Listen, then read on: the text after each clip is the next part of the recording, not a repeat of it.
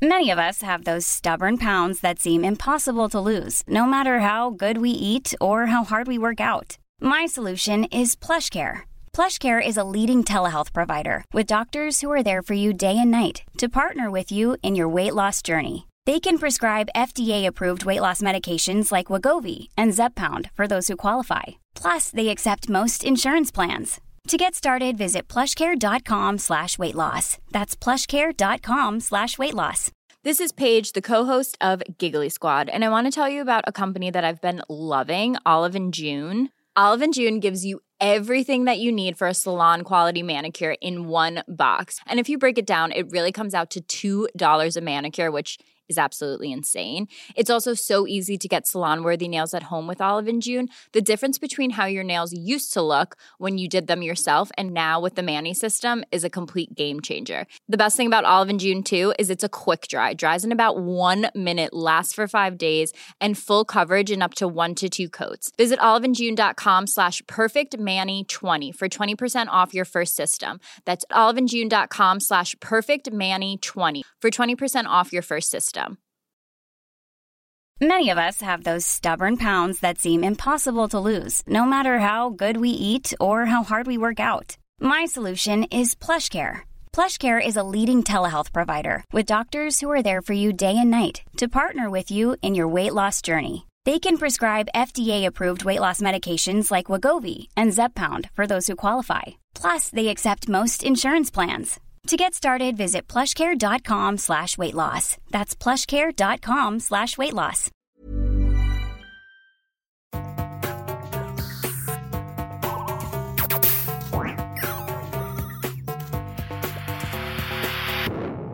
Jeg heter Sondre Risom Livre. Jeg er psykolog, og dette er Webpsykologens podkast. Hverdagspsykologi for eh, fagfolk og folk flest.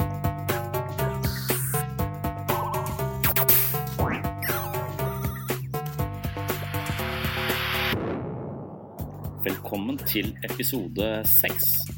En av mine aller største kjepphester er at vitenskapsteori er veldig interessant for alle mennesker som har en kropp og en hjerne. I dagens episode så håper jeg å argumentere for at en viss forståelse for vitenskapsteori er noe av det viktigste vi kan ha med oss i møte med livets utfordringer. I dette foredraget refererer jeg til en plansje som illustrerer mine poeng. Denne plansjen finner du i shownotes på webpsykologen.no under podkast og episode 6.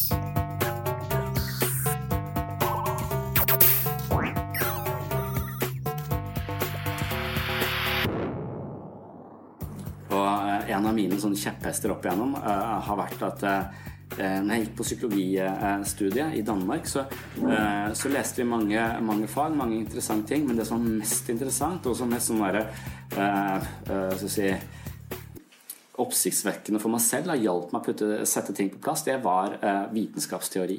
Eh, jeg ble hyrfascinert av, av vitenskapsteori og tenkte det er ekstremt relevant. Jeg skulle ønske at jeg hadde eh, jeg hadde jo hatt det før, men jeg hadde, virke, jeg hadde ikke forstått konsekvensene av det. Og det gikk sånn gradvis, eh, gradvis opp for meg. Og, og det syns jeg har vært en viktig del eh, i min egen prosess, og det har vært en viktig del eh, i, i rollen som psykolog og behandler å ha en slags sånn overblikk, eller sånn grovt overblikk over vitenskapsteori. Da. Og, så det, det vi prøver å gjøre nå, er på en måte å popularisere vitenskapsteorien litt. Og, da, og da, det, da, refererer jeg ofte til eh, Jørgen Habermas, eh, som er en sånn tysk filosof. Fordi at han er jo så akademisk tung eh, og har så stor prestisje og er så eh, vel anerkjent i akademiske eh, kretser. Men egentlig så er det Ken Wilberg, som er en popfilosof fra USA, som sier omtrent akkurat det samme på en morsommere måte. Så jeg syns han er en bedre historieforteller enn det, enn det Habermas er. Men Habermas er stuer igjen i akademiske kretser, så det er han som vi på en måte hviler oss i. Men man skal jo være litt forsiktig. Alle tyske filosofer som har et etternavn som slutter på H, de er ganske slitsomme greier, altså. Hegel eller Habermas eller Heidegger eller Husserl eller Ja, det, det er virkelig slitsomt. Men de sier viktige ting på en så kroknete måte at det bare er en liten prosent jeg skal forstå det. Vet ikke hva som er vits med det, men syns de burde hatt en litt bredere profil. Da. Det, det har eh, Ken Wilber, og det er han jeg bygger mye av, eh, mye av dette på. Men, men, det er vitenskapsteori. Det er ganske, eh, ganske, enkelt. Det er ikke noe dere ikke visste fra før, men det er kanskje noe vi ikke har tenkt så mye over, da. og som er viktig å, å tenke over noe vi skal jobbe med oss selv, og forstå oss selv og forstå problemene våre i hverdagslivet utfordringene våre. Da tenker jeg det kan være en god modell. Jeg kaller det av og til kart over livet, nærmest, som kan ligge i bakgrunnen og, og, og hjelpe oss til å lete etter løsninger på de riktige stedene. Så da har du denne uh, modellen. altså Øverst til høyre der er det bilde av uh, Francis Crick. Han er en, uh, ja, en vitenskapsmann av den gamle skolen, kan man si. Eller, den veldig sånn naturvitenskapelig orientert. Han er kjent for å ha vært med å oppdage DNA-molekyler osv. Og, så, og, og han er kjent for den forbløffende hypotesen som sier at 'you're nothing but a pack of neurons'. Du er ingenting annet enn nevroner da har du liksom lagt på en måte, Det er toneangivende for den, eh, det landskapet der. sånn, Det er eh, materielt, det er positivistisk, det er eh, Noen kaller det flatland, det er litt tørt. Er sånn, alt kan regnes ut. Alt er bare materie og fysikk. Og det at du tror at du er noe spesielt, det at du tenker på kjærlighet eller kreativitet eller noe som overgår materien, det er bare en illusjon. Så det at vi er bevisste og tror at vi har en eller annen spesiell plass i skaperverket, eventuelt har en sjel osv. Det er eh, en illusjon. Det er noe som kompleksitet har lurt oss til å tro. Så dypest sett så er vi bare masse nevroner i en hjerne som veier halvannen kilo eller noe sånt noe. Og den er så kompleks, og den fyrer i så mange retninger at det kommer et slags sånn epifenomen her som, sier, som gir oss en opplevelse av å være noe helt subjektivt unikt. Da.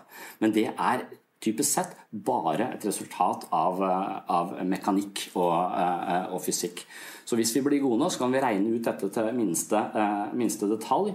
Og så kan vi på en måte plukke fra hverandre mennesker og vise at vi er bare en slags biologisk maskin på lik linje med, med alle andre. Og da det er eh, vitenskapen. liksom den eh, Naturvitenskapen den ligger eh, Dette er vitenskaper alle sammen. Det der er da klassisk, liksom, typisk naturvitenskap. Den ligger til, i bånn av medisin.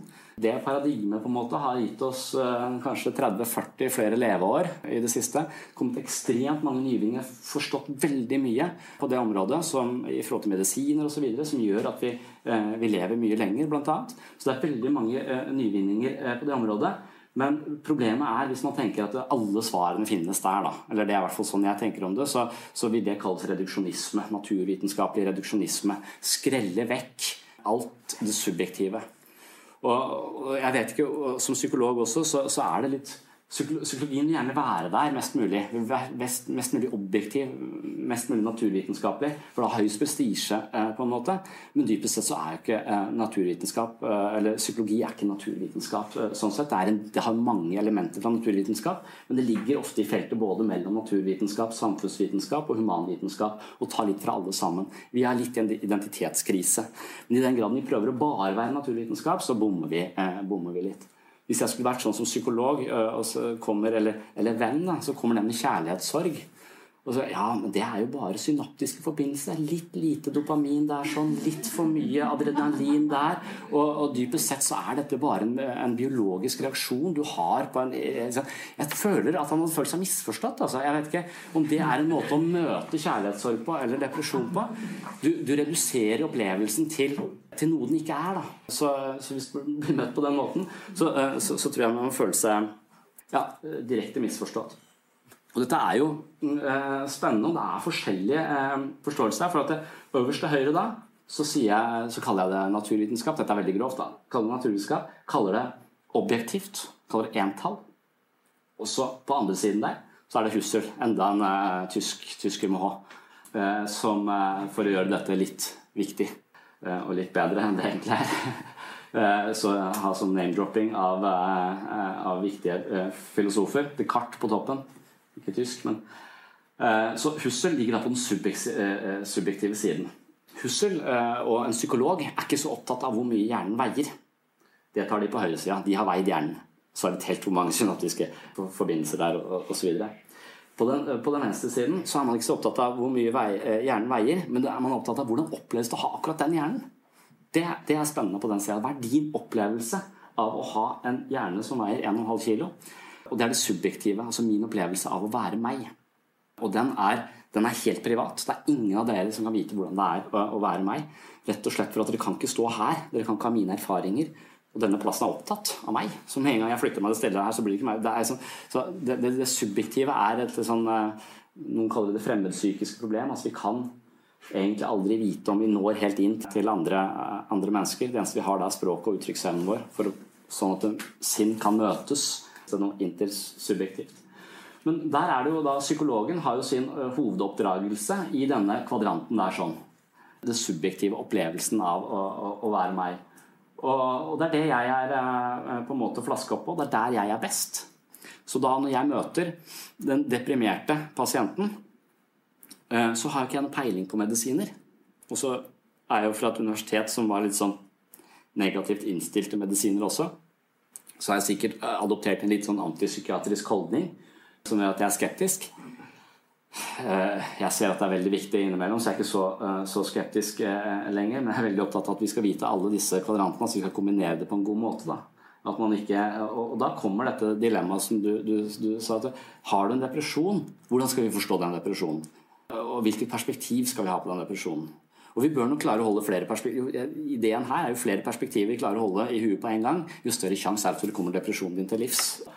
Og Hvis man da tenker øverst høyre, en sånn øh, psykiatrisk identitetsteori hvor det sier at øh, din opplevelse av å være nedstemt handler om for lavt nivå av øh, serotonin og dopamin osv. Det er en kjemisk ubalanse i hodet ditt. Den kjemiske ubalansen den kan vi justere med denne medisinen. Får man en opplevelse av å være en bil som mangler olje, og Det er litt det kan gjøre. Det kan føle seg som et objekt da, i en sånn uh, situasjon. Og Ideen er da at hvis du får justert olja i huet, så vil opplevelsen forandre seg. Og Det er jo et uh, materielt perspektiv. Og til en viss grad så, så stemmer jo det. Opplevelsen endrer seg hvis du endrer nevrokjemien inni huet ditt. Den endrer seg enda mer hvis du tar narkotika. Da, da, det, det, det, det, er jo ofte det man får, da, en, en eller annen variant. En form for narkotika. Ja, Freud var jo veldig begeistra for narkotika. Han eh, skrev ut eh, kokain og amfetamin i, i, alle retninger, og det hjalp jo som bare rakkeren.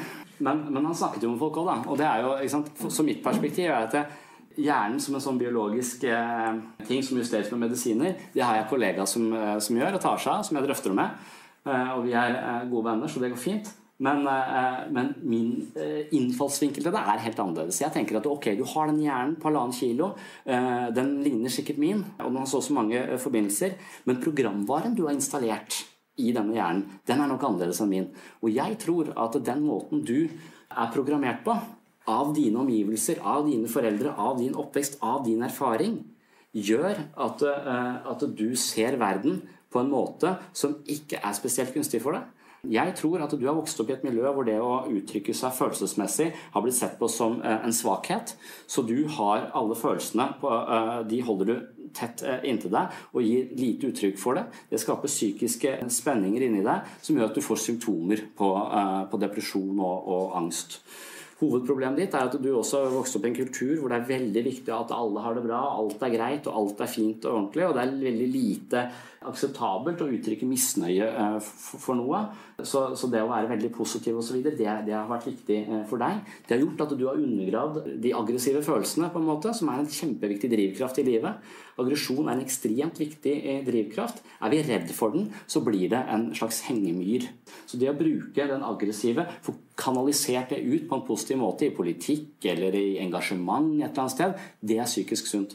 Det å undergrave den og si at ja, alt er helt fint, når det egentlig ikke er helt fint i det hele tatt, gjentatte ganger, djevelen er i detaljene, gjentatte ganger eh, i livet sitt, kan undergrave aggresjonen din, noe som gjør at du stenger den inne på en måte. Det gjør at du også mister livskraften. Du blir deprimert. Du, du, du, du vil ikke klare å installere eh, mening og drivkraft i det du, det du holder på med.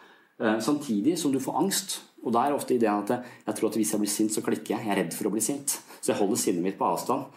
Jeg ble sint i fjor på julebordet. Det gikk helt galt. Eh, og det er det som ofte skjer. Hvis du undertrykker sinnet hele året, så kommer du på julebordet. Eh, og da kommer det til de grader, ikke sant. Retta på helt feil person. Så, så, så, det jo Så det å være i kontakt med følelsene, uttrykke følelsene, er, er psykisk sunt. Så da har jeg et helt, helt klart psykologisk perspektiv på det. Tenker at det er noe med måten du ser eh, verden på. Linsa som du tolker informasjon gjennom, det er den vi må se på. Vi må se på operativsystemet ditt. Og da må vi jobbe med det metakognitive. Istedenfor å fanget av dette operativsystemet, så må du se det. Og da må vi fortelle historier om hvordan dette operativsystemet har blitt til. For når vi kan se det, se sammenhengene, så kan vi også endre det. Og hvis du klarer å endre det, klarer du å uttrykke deg mer spontant. Hvis du klarer å gi uttrykk for små irritasjoner før det blir så stort at det kommer på julebordet, så, så, kan det hende at du vinner veldig mye livskvalitet tilbake langsomt, gradvis. Men det fungerer ikke så bra som narkotika. For det tar lang tid å omprogrammere eh, seg selv. Men det er da et si, metafysisk perspektiv, mens det der er et fysisk eh, perspektiv. Jeg vil si jeg holder på med metaspill. Mens eh, medisin, hvis vi da snakker om bare det å, eh, å medisin, eh, medisineres, vil være et eh, mye mer en fysisk, konkret intervensjon. Og, og jeg syns at det er kjempeviktig, og jeg tenker også at jeg kan jo sitte og snakke om dette metaperspektivet med deprimerte mennesker. Noen gjør det i ti år uten at det skjer noe særlig særlig endring.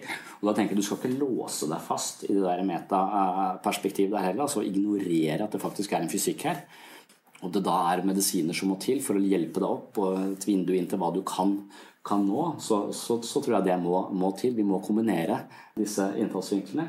Og jeg vil også si at eh, hvis jeg sitter og snakker med en fyr la oss si én til to ganger i uka, da, og jeg har gjort det lenge, og ikke, depresjonen ikke slipper taket på noen måte, så må jeg finne ut av er det noe i de andre kvadrantene som jeg har gått glipp av. Hvor mye beveger du deg, f.eks.? Nei, det er lite. Sitter inne stort sett og har veldig lite bevegelse. Ok, jeg kan ikke hjelpe deg med mindre du begynner å trene. Det er så mange sammenhenger mellom fysisk aktivitet og hvordan hjernen fungerer. Så, uh, så her er det helt umulig å, å, å, hjelpe deg med mindre du også forplikter deg til å trene minst to ganger i uka. Så uh, Da henter man inn et veldig viktig perspektiv fra det fysiske. Og Hvis det hadde vært uteblitt, hvis bare snakker, Man kan snakke med folk i årevis. Altså. Og det, det, driver folk med også. Jeg hadde en veileder, han hadde fysioterapi i 15 år. Seriøst! Hvordan det, det, det, kan umulig være eh, Da føler jeg det er, er å ha gått glipp av et eller annet i de andre, andre, andre kvadratene. Altså. Ja, men det er jo litt viktig altså, Si f.eks. en person har katastrofetenking. Ja, så skal han komme til deg og liksom få plass til å få sove på alle de katastrofene han bare tenker hele tida. Ja. Så kan du jo gå hele livet ditt bare for å få mm. plass til å få alt de tenk om, tenk om, tenk om. Mm. Altså, det er jo for å stoppe den tenk om-motoren, ja. egentlig. Mm. Ja, det, det sånn, jeg jobber ikke med katastrofetanker i den grad. For jeg, jeg, tenker at hvis du skal jobbe med tvang og OCD og katastrofe og bekymrings og, og, og sånn, så hjelper det ikke bare å snakke om det. Du må også rent fysisk ut og eksponere deg for det som du, eh, du er redd for. Du må ha en kombinasjon der, eh, der også. Så det er eh, et viktig, viktig, ting som på en måte spiller på dette kartet. Nå har vi bare tatt to av de. Det er, to, det er det objektive, og det er det subjektive. Og det er entall. Oppe er det entall. Objektivt til høyre, subjektivt til venstre. Nede så er det flertallt. Fortsatt subjektivt til venstre. Så det nede til venstre, det er for K det handler om mennesket som sosialt vesen. Det handler om det intersubjektive, altså menneske møter menneske. Og det gjør vi hele tiden. Altså, vi er ikke et isolert uh, subjekt. Vi er intersubjekt. Vi blir mennesker i kontakt med andre, uh, andre, mennesker. Det er andre folk som installerer programvaren i eh, mitt hode. Det er de jeg vokste opp sammen med, som fortalte meg hvem jeg var. Og så har jeg trodd på det siden. Så hvis de jeg vokste opp med, sa at jeg var en litt bortkommen, stakkarslig fyr som ikke, sannsynligvis ikke kom til å få til så mye, så, eh, så, hadde jeg nok trodd på det og stilt meg bakerst i køen resten av, resten av livet. Eh, og det er det mange som gjør. Pleier ikke å funke så bra. Det er eksempel på en dårlig programvare. Men vi er altså sosiale eh, vesener. Vi er avhengig av det mellommenneskelige. Det er mange prosjekter som har vært gjort opp igjennom. Ofte de, de, klokeste hodene, de vi ser mest opp til, de har ikke vært så flinke på den kvadranten der det mellommenneskelige, sånn filosofisk sett. F.eks. som Nietzsche, som vi på en måte er Eh, fascinert av. Og, og, sånn. Han tror jeg vi er fascinert av fordi han nettopp han var dårlig der. Han hadde ingen, han kuttet av følelser. Han var veldig lite emosjonell. Han var litt redd for andre. Noen vil si han var schizoid, nærmest. Altså han, han, satte seg litt på utsiden av livet og kikka inn. Han var ikke nødvendigvis deltakende. Han satt oppe i et fjell og skrev om det livet han så andre mennesker eh, drive og, og, og, leve i. Han hadde kuttet det emosjonelle båndet til, eh, til verden. Som om han sto utenfor et akvarium og kikka inn.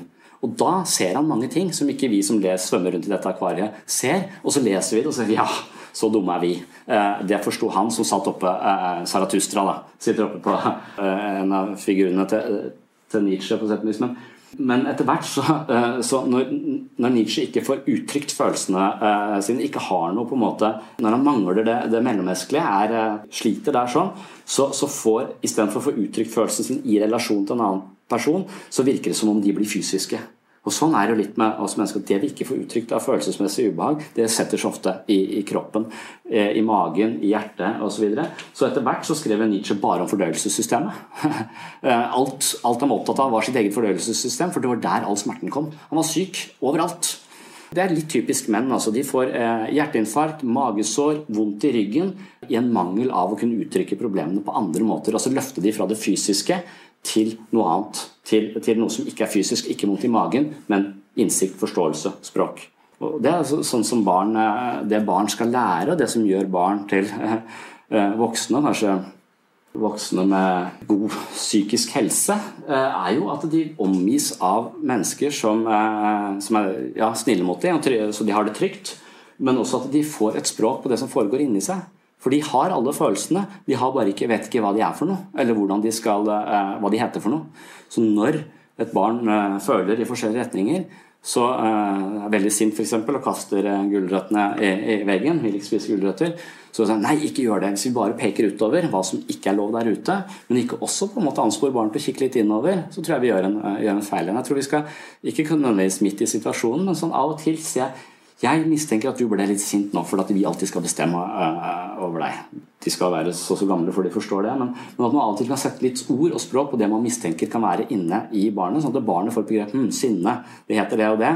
Uh, de virker nesten litt skremmende og farlig, men de som er rundt meg, de er ikke nødvendigvis redde. Så da er det en naturlig del av livet, og når jeg vet hva det heter, så kan jeg også regulere det ned. Og Barn som ikke har språk på sitt indre liv og følelseslivet sitt, de vil ofte gi uttrykk for ting fysisk, akkurat sånn som Nietzsche gjør. Så Nietzsche og små barn eh, har vondt i magen når de ikke vil gå på skolen. Eller vondt i hodet.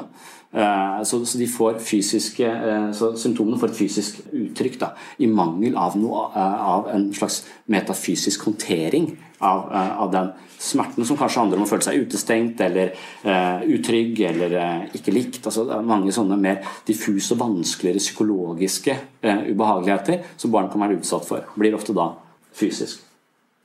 Så der nede blir vi mennesker i kontakt med andre som i utgangspunktet skal fortelle oss litt om hva som foregår på, på innsiden. Og det er også viktig gjennom hele livet. Vi trenger sparringspartnere. Vi trenger å ha nære relasjoner til andre mennesker, og vi trenger å ha venner jeg, jeg føler at det, mange av de eh, menneskene jeg møter, de mangler enten en intim, fortrolig person hvor de kan fortelle alt og føle seg ivaretatt. Så den innerste kjernen, der må man ha én eller to personer. Og noen har ikke det, men de har masse venner i den ytterste, uh, ytterste sirkelen. Da er det som om Av og til så føler de seg ensomme blant mennesker. Det er ingen som egentlig kjenner dem, men de kjenner veldig, uh, veldig mange. Og du spør ja, har du noen som står der her. Ja, jeg har tre venninner. Uh, så, så ja det er ikke sikkert at de når helt inn til det du, det du har behov for. Så noen har problemer med å ha folk helt, helt, her inne. Og så er det noen som bare har folk helt her inne. Levd sammen i 30 år, det er bare oss to. Vi er litt redd for verden der ute. Har nesten ingen eh, eh venner. Så det er litt sånn symbiotisk bare meg og dem. Og så mangler vi dette nettverket. Og vi trenger begge deler. Vi trenger, eh, vi trenger det sosiale, bli bekreftet der. Og vi trenger også den eh, basen, innerste trygge, trygge basen. Så det mellommenneskelige er en veldig, veldig viktig del av det å være være menneske. Så hvis du har problemer i, i livet på en eller annen måte og, og merker ubehaget, så bør du kikke etter trener jeg. Kikke gjennom meg selv. Hva slags følelser unngår jeg? Hva jeg ikke gjør? Har jeg nok kontakt med andre mennesker? Bør jeg være litt mer sosial? Bør jeg, bør jeg klare å inkludere meg i et nettverk på en eller annen måte eh, som kan stimulere meg? Så Det er også en viktig komponent da, som man må se etter når, eh, når man har en eller annen plage eller har en eller annen utfordring eh, i livet. Det er liksom det som er poenget her, at dette kartet eh, kan, eh, kan, vi legge ned så kan vi finne ut av hvor er den største mangelen akkurat nå. Hvorfor er det en ubalanse i livet mitt? Hvor er det jeg bør sette inn eh, trøkket? Hvor, hvor, kan jeg gjøre det ganske raskt? Jo, nå har jeg ikke sett folk eller venninner på, på, et halvt år. Jeg har bare jobba og vært hjemme. Aldri egentlig på en måte vært noe sosialt aktiv, så kanskje jeg bør gjøre noe, noe der. Jeg så på TV, så på Skavlan så var det en fyr som ble plassert naken på en øde øy en stund. Han var flink til å overleve det. Han hadde han var sånn militærtype. Han var vant til å overleve uh, ute i skogen. Han var ikke så vant til å gå naken rundt ute i skogen. men det var litt mer spennende reality-TV, tror jeg. Så, så, det var der han ble satt på, på Nødøy. Og han sier at det, det å overleve er ikke så vanskelig for meg, for det klarer jeg. Jeg kan jo spise bark, liksom. Det, det har jeg gjort. Men, men det å være aleine er det vanskelige. Det er det som var Fordi at alt mista mening. Så det er som også dette fellesskapet er med på å installere mening i ting. Så han kunne sitte og se en solnedgang som var helt fantastisk på den øde øya si. Men så lenge han ikke hadde noen å dele det med, så forsvant alt. Det var ingen mening, det var ingen glede. Det føltes ingenting å se denne, denne solnedgangen. Og Det er også fortellingen fra jeg vet ikke, Robinson Crusoe. De har jo ofte en kokosnøtt eller et eller annet fotball eller noe de begynner å snakke med. da. Så rett og slett bare lage en annen sparringspartner som kan være med og lage et slags sosialt fellesskap. Da er det bedre å ha et annet menneske enn en fotball, eh, eh, sannsynligvis. Men i mangel av bedre alternativer så kan en kokosnøtt kanskje ligne et, et hode.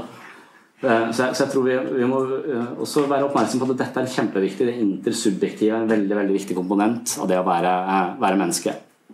Og så er det det interobjektive. Vil si objekt i flertall.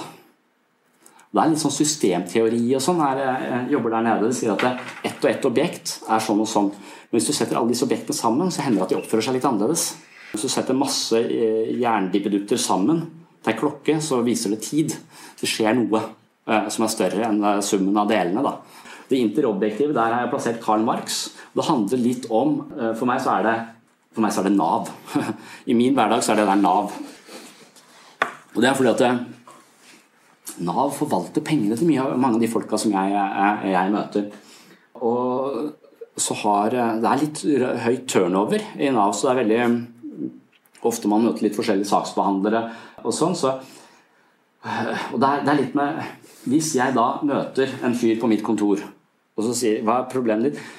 Nei, jeg er deprimert. Ja, skal, Da skal vi se på dette operativsystemet ditt. Men så viser det at han fyren har ikke noe sted å bo, han har ikke mat i kjøleskapet, han har ingen penger. Og så sier han at det er vanskelig å være meg. Ja, eh, ok, Fortell mer om hvordan det er vanskelig. Så sier han at ja, hva er opplevelsen av å være fattig? Hva er opplevelsen av ikke spise, egentlig? Ja, det er ganske kjipt.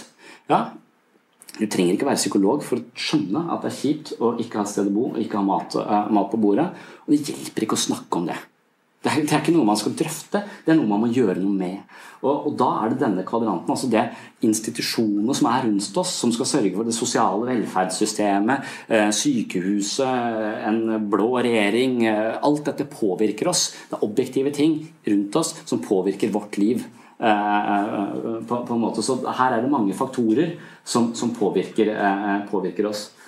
Og før, så, så Jeg tenker jo ofte at de menneskene som, eh, som, møter Nav i en posisjon hvor de er litt eh, i ubalanse i utgangspunktet, ofte får, eh, får, litt mer trøbbel der. Særlig når Nav kjører sånne reformer og ikke helt vet eh, hvordan ting at Nav er litt i krise. De, de, jeg tror de gjør så godt de kan, men jeg tror bare ikke at det er godt nok alltid. Uh, og da, da er det isteden I vår verden, i vår individualistiske kultur, så er det viktig for oss å Eh, være selvstendige. Og vi er ikke lenger en del av storfamilier som regel. Vi flytter gjerne hjemmefra og starter vår egen familie, eller så flytter man for seg selv. Da er man seg. Så Det som er viktig for vår overlevelse, er ikke å være del av en storfamilie, det er å ha inntekt. Det er det som står for overlevelse. Først var det storfamilien som tok seg av eh, de svake og hjalp de opp, eller eh, hjalp ved sykdom osv. Så, videre. så var man del av et fellesskap. Strengeste straffen man fikk før i tida, det var å bli lyst i bann eller eksil. Ut av fellesskapet. Det er det samme som døden, nærmest. Det er den strengeste straffen.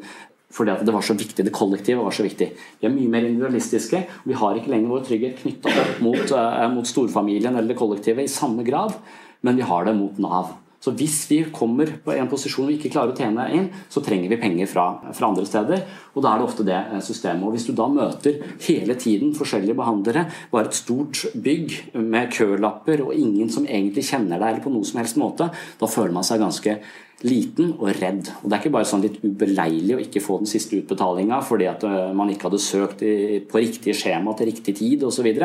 Fordi man var så deprimert at man ikke klarte å ta spise engang. Så da, da, er det dødsangst. Det er ikke bare litt ubeleilig, det er dødsangst. Det er, det er ekstremt vanskelig å stå i møte med et stort byråkrati som er laget for likhet for loven. Alle skal få mest mulig eh, lik, eh, lik behandling. Noe som gjør at individet ofte faller ut. Individuelle behov er vanskeligere å ivareta. Det er en konflikt innad i, i, et sånt system som Nav. altså Hvor mye skal vi ta hensyn til individuelle behov og skreddersy opplegg for den enkelte? Hvis vi gjør det i høy grad, så blir det urettferdig. For det er en trynefaktor. De som blir godt likt, får mye. De som ikke blir så godt likt, de får litt mindre. Det er veldig rett for at vi faller i den grøfta. Men hvis alle skal behandles helt likt også, likhet for loven, så mister man disse spesielle hensynene man bør, uh, bør ta i en del uh, saker. Så det er kjempevanskelig. Så jeg tenker at Nav og jeg som jobber i psykisk helse, vi har en kjempegrei uh, ordning hvor de installerer dødsangst i folk, og jeg behandler dødsangst hos folk. Så det er en kjempeforretningsidé hvor vi har hjula gående, og det kan vi jeg lurer på om vi skal begynne å bremse litt, for vi har for mye å gjøre faktisk nå. Nå, vi, nå, det, nå, nå trenger vi ikke mer. Nå, og jeg tenker Det er også en kjempeviktig kvadrant. Altså, jobber man f.eks. med rusmisbrukere, så, så, er det ofte at den kvadranten skranter veldig. Økonomi, bolig eh, osv. Og, så og hvis du mangler noe mye gjennom disse kvadrantene, så vil det påvirke alle de andre kvadrantene. Det vil også påvirke kjemien i huet ditt. Hvis du ikke har noe sted å bo, så vil du være redd, usikker. og Det vil påvirke hvordan hjernen din fungerer. Det vil påvirke opplevelsen av hvordan det er å være deg. Og det vil påvirke det sosiale nettverket ditt. For hvis du ikke har noe sted å bo, har du ingen steder å invitere folk hjem heller. Det er jo litt eh, stusslig. Så, så, hvis det skorter i en av disse kvadrantene, så vil det påvirke alle de andre eh, på en negativ måte. Og Da er det viktig når man møter utfordringer i livet, at man legger dette kartet foran seg og ser hvor kan jeg gjøre noe? Hvor er det skoen trykker mest? Kanskje jeg bør gjøre noe der først? Eh, og så, eh, og så kan det være at det også vil gi seg utslag i alle de andre eh, Og Det betyr jo at hvis det er helt gal nevrokjemi, så kan det være at medisiner vil hjelpe opplevelsen. Så at det er en viktig intervensjon som gjør ting lettere på alle, alle plan. Av og til kanskje godt nok, for da kommer du kanskje i hekten igjen.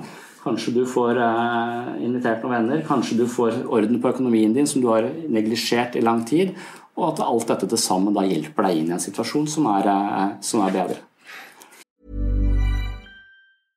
Ready to pop the question? The jewelers at BlueNile.com have got sparkle down to a science with beautiful lab-grown diamonds worthy of your most brilliant moments. Their lab-grown diamonds are independently graded and guaranteed identical to natural diamonds, and they're ready to ship to your door. Go to Bluenile.com and use promo code LISTEN to get $50 off your purchase of $500 or more. That's code LISTEN at Bluenile.com for $50 off. Bluenile.com code LISTEN.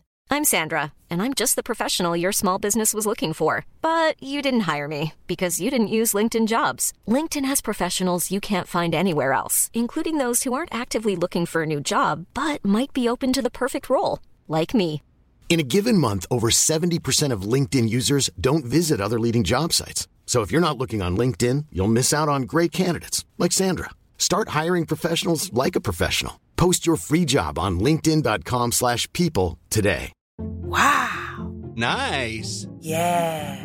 What you're hearing are the sounds of people everywhere putting on Bombas socks, underwear, and t-shirts made from absurdly soft materials that feel like plush clouds. Yeah, that plush. And the best part, for every item you purchase, Bombas donates another to someone facing homelessness. Bombas, big comfort for everyone. Go to bombas.com slash ACAST and use code ACAST for 20% off your first purchase. That's bombas.com slash ACAST, code ACAST. Men hvis ikke det bare hjelper med, eh, med, medisiner, så må du ikke bare prøve ny medisin. eller noe annet. Da må du også tenke at hm, det er flere kvadranter her, jeg må prøve å jobbe på litt flere, eh, på litt flere områder. Eh, skal bare ta så lande den modellen der før vi går videre til menneskets personlighet. Jeg pleier å ha dette eksempelet med at jeg sitter i et inntaksteam i da psykisk helse, helsevern. Og vi får mange søknader hver uke på mennesker som har ulike utfordringer og, og, og problemer. Et av de problemene da, som, som ofte er, som krever mest av dette av behandlerne og eh, behandlerens evne til å ha mange perspektiver i hodet på en gang, er ofte det diffuse kroppslige plager. Eh, noen ganger så heter det fibromyalgi, andre ganger så er det bare uspesifisert psykosomatisk et eller annet. Altså at det er en fysisk smertetilstand eller en eller annen plage, et problem, som man da gjerne har gått til fastlegen sin, og så fastlegen tatt blodprøver, har tatt eh, ja, røntgenbilder og alt sånt noe, men den smerten man rapporterer, synes ikke, verken på blodprøver eller eh, på, på røntgenbilder. Så på en eller annen måte så er den ikke fysisk, da. Men den er jo fysisk. Den, den, det er rent faktisk vondt. Personen har vondt, men det er ikke så lett å, å spore akkurat hvor denne eh, smerten stammer ifra. Og da kan, tenker man ofte at her er det en psykisk komponent, og så sender man søknad til, eh, til psykisk helsevern. Kronisk vondt i, i, kroppen, men vi kan ikke se det. Vi regner med at det er en sånn eh, blant disse jeg tror det er syv sånne psykosomatiske eh, lidelser. Jeg tror at alle lidelser er psykosomatiske når det eh, kommer til et, eh, et stykke. Så, eh, så, da får vi ofte denne da, si, dame 42 smerter i kroppen, og pga. det da også litt nedstemt osv. Og, så, og så er spørsmålet la oss, Kanskje hun har fått denne fibromyalgi-diagnosen som jeg egentlig ikke vet sånn mye om, men jeg forstår at det er, det er vondt. Litt sånn som leddgiktnesten. Vondt, vondt i kroppen. Og da sitter vi i dette inntaksteamet, og psykisk helsevern er skrudd på den måten at vi har sånn, vi har ikke eksperter på alle diagnoser. Det fins jo flere hundre av dem. Så, eh, så, vi må bare på en måte spille på de eh, menneskene vi har, og de, den behandlingspersonalet vi har. Og så hender det av og til at vi tenker at vedkommende er god på det eller det. Når det gjelder disse diffuse smertene, så har vi egentlig ingen eksperter. Eh, så her er det litt tilfeldig hvem som har kapasitet. Og psykisk helsevern blir ofte kritisert fordi at det er ikke noen sammenheng mellom diagnosen din og den behandlingen du får. Du kan få helt forskjellig To personer med samme diagnose kan få helt forskjellig behandling. Eh, og det syns jo da Riksrevisjonen og mange kontrollkommisjoner Det syns jo folk er litt rart. For Hvis du har brekt beinet, så får du gips. Liksom. Du, du, du, får ikke, du, får ikke, mange forskjellige eh, behandlinger for, eh, for, fysiske ting. Det er mye enklere å se at den, type, den diagnosen gir vi den behandlingen. Sånn er det jo ikke i psykisk helsevern. Psykiske problemer er mye mer komplekst, eller psykiske utfordringer. altså Udefinerbar uro. eller Det er komplekst. Eh, og som regel så finnes ikke bare én én forklaring. Så For å illustrere denne modellen så sitter vi da i dette innsatte og tenker at ja, hvem skal ta denne damen? Diffuse smerter i kroppen, kanskje stressrelatert? Jo, eh, vi gir den til Niklas. Niklas er, er lege. Han er, dette er fysisk, så, så Niklas får den. Niklas sitter eh, eh, på siden av meg. Han er eh, sånn, litt sånn veldig-lege, på en måte. Han, han er flink på det somatiske, og han møter et menneske og tenker han kanskje at ja, fysisk smerte det må være en fysisk intervensjon. Vi prøver noe smertespillende, det funker ikke. Jeg tror jeg henviser deg til sånn psykomotorisk fysioterapi. Du har vondt i kroppen. Disse fysioterapeutene som jobber med både psyken og fysiske, de er flinke på denne typen problematikk. Så han viderehenviser vedkommende til Bryggeloftet, f.eks., som er et sted for psykomotorisk fysioterapi. Og de har gode resultater. Det tror jeg. Det tror jeg er veldig flinke. Veldig mye bra om de. Og Da møter denne pasienten Niklas to ganger, eller tre ganger, og så er han skrevet ut fra vårt system. Men så er det ikke sånn at Niklas har kapasitet, da, så da blir det meg isteden. Og jeg er jo psykolog, jeg er ikke lege, så da kommer denne eh, fibromyalgipasienten til meg. Og da begynner jeg med dette uh, Eh, operativsystemet. Vet du hva? Jeg tror at du har blitt skremt så mange ganger opp igjennom at du møter verden med en mur av mistillit. Du er skeptisk til folk, du er bekymra for alt mulig, og du bruker så mye mental energi på å monitorere og være på alarmberedskap i situasjoner som egentlig ikke er farlige, at kroppen din jobber på helspenn hele tiden. Og dette helspennet gir seg utslag i Eh, spenninger som gir deg smerte. Så vi må se på er du for mye bekymra, er du for mye skeptisk, stoler du aldri på noen, hvorfor stoler du på noen? Så jeg må se på operativsystemet ditt, og på en måte, eh, vi må justere det. Vi må klare å se at hm, du tenker og føler på måter som ikke som gjør at jobben din, kroppen din hele tiden jobber på alarmberedskap, eh, og, og det gir deg fysisk smerte. Vi må se om vi kan justere noe på dette her. La oss gå litt ut av din virkelighetstunnel og se hvordan du tenker, hvordan dette henger sammen med det du har opplevd tidligere, og om dette her er mulig å finne noen, eh, noen alternative fortolkninger av denne måten å være på. Og så er det psykoterapi da, i tre år, to ganger i uka. Det er litt mer enn tre timer hos Niklas osv. Tre, tre år hos meg. Eh, det er ikke sikkert det tar tre år, liksom, men det kan jo drøye, det. Når Man skal snakke om eh, Eh, så, men det er fordi jeg har vokst opp i en, annen, eh, en annen, i en annen skole. Jeg vet om det fysiske, jeg vet om bryggeloftet, men det er mer nærliggende for meg å tenke at her er den måten du tenker på som er, eh, er det viktig å se på. Og så jobber vi med det, for det er det jeg kan. Nå jobber jeg i gruppeterapi, jeg har ikke så mye individualterapi, men kjører gjerne inn i gruppa, og så, så, er det behandlinga. Men, men, la oss si da at ikke jeg heller har kapasitet. Jeg er også fullboka eh, framover. Da er det Nestemann, da, som sitter til venstre for meg på kontoret der, han er eh, sosionom, eller hun er sosionom. Så, eh, så hun har jo noen andre briller på seg, vokst opp i en annen skole, litt bedre på den kvadranten der nede.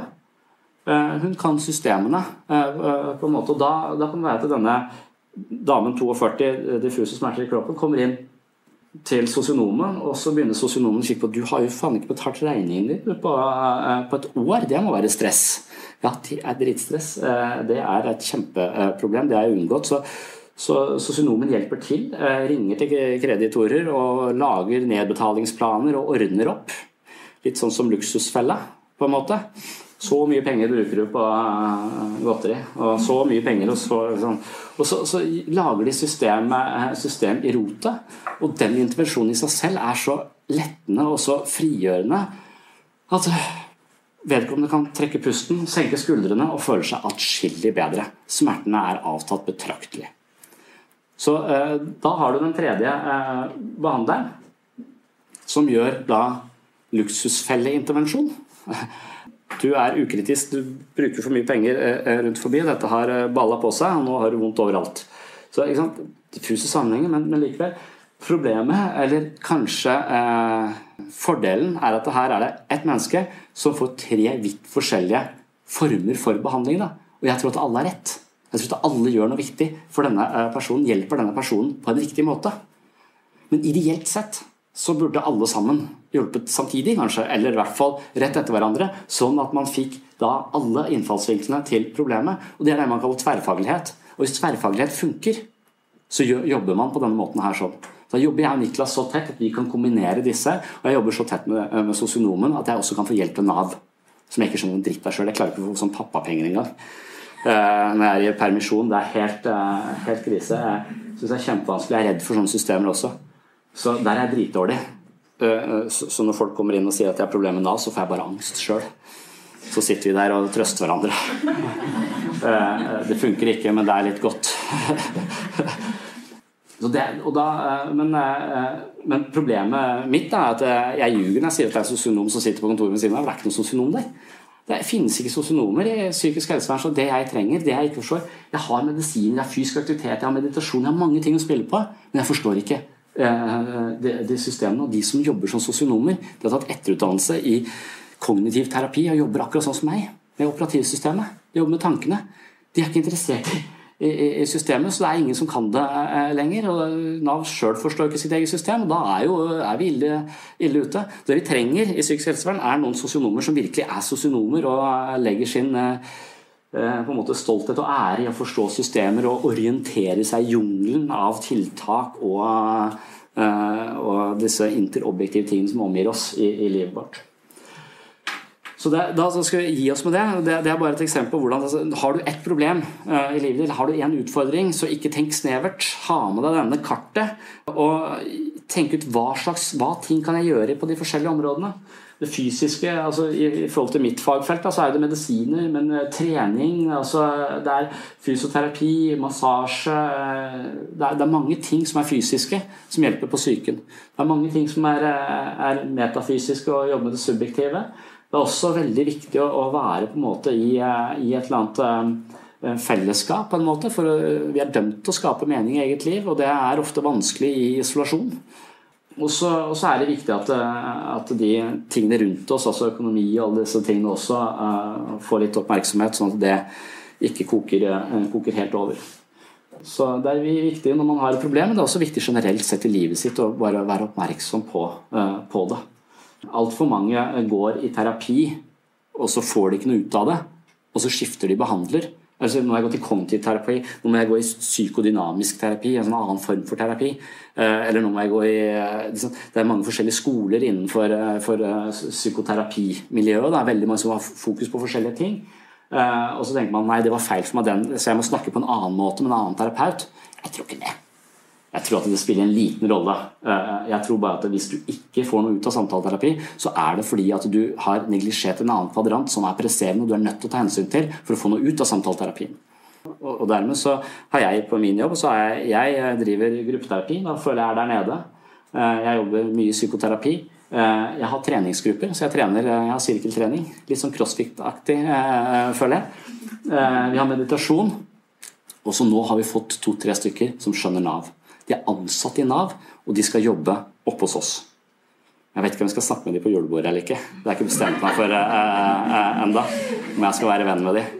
Jeg tror det, for de virker ganske hyggelige. Men jeg er ikke, jeg er ikke helt sikker.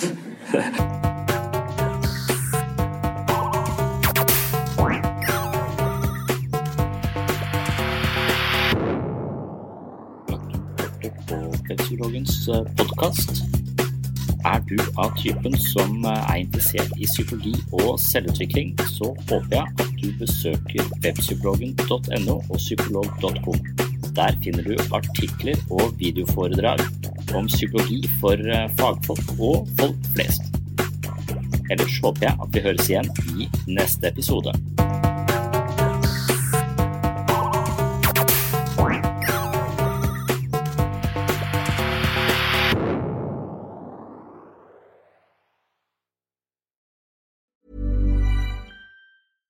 Flexibility is great. That's why there's yoga. Flexibility for your insurance coverage is great too. That's why there's United Healthcare Insurance Plans. Underwritten by Golden Rule Insurance Company, United Healthcare Insurance Plans offer flexible, budget friendly coverage for medical, vision, dental, and more. One of these plans may be right for you if you're, say, between jobs, coming off your parents' plan, turning a side hustle into a full hustle, or even missed open enrollment. Want more flexibility? Find out more about United Healthcare Insurance Plans at uh1.com. Even when we're on a budget, we still deserve nice things. Quince is a place to scoop up stunning high-end goods for 50 to 80% less than similar brands. They have buttery soft cashmere sweaters starting at $50, luxurious Italian leather bags, and so much more. Plus, Quince only works with factories that use safe, ethical, and responsible manufacturing. Get the high-end goods you'll love without the high price tag with Quince. Go to quince.com slash style for free shipping and 365-day returns. Here's a cool fact a crocodile can't stick out its tongue. Another cool fact you can get short term health insurance for a month or just under a year in some states. United Healthcare short term insurance plans are designed for people who are between jobs, coming off their parents' plan, or turning a side hustle into a full time gig. Underwritten by Golden Rule Insurance Company, they offer flexible, budget friendly coverage with access to a nationwide network of doctors and hospitals. Get more cool facts about United Healthcare short term plans at uh1.com.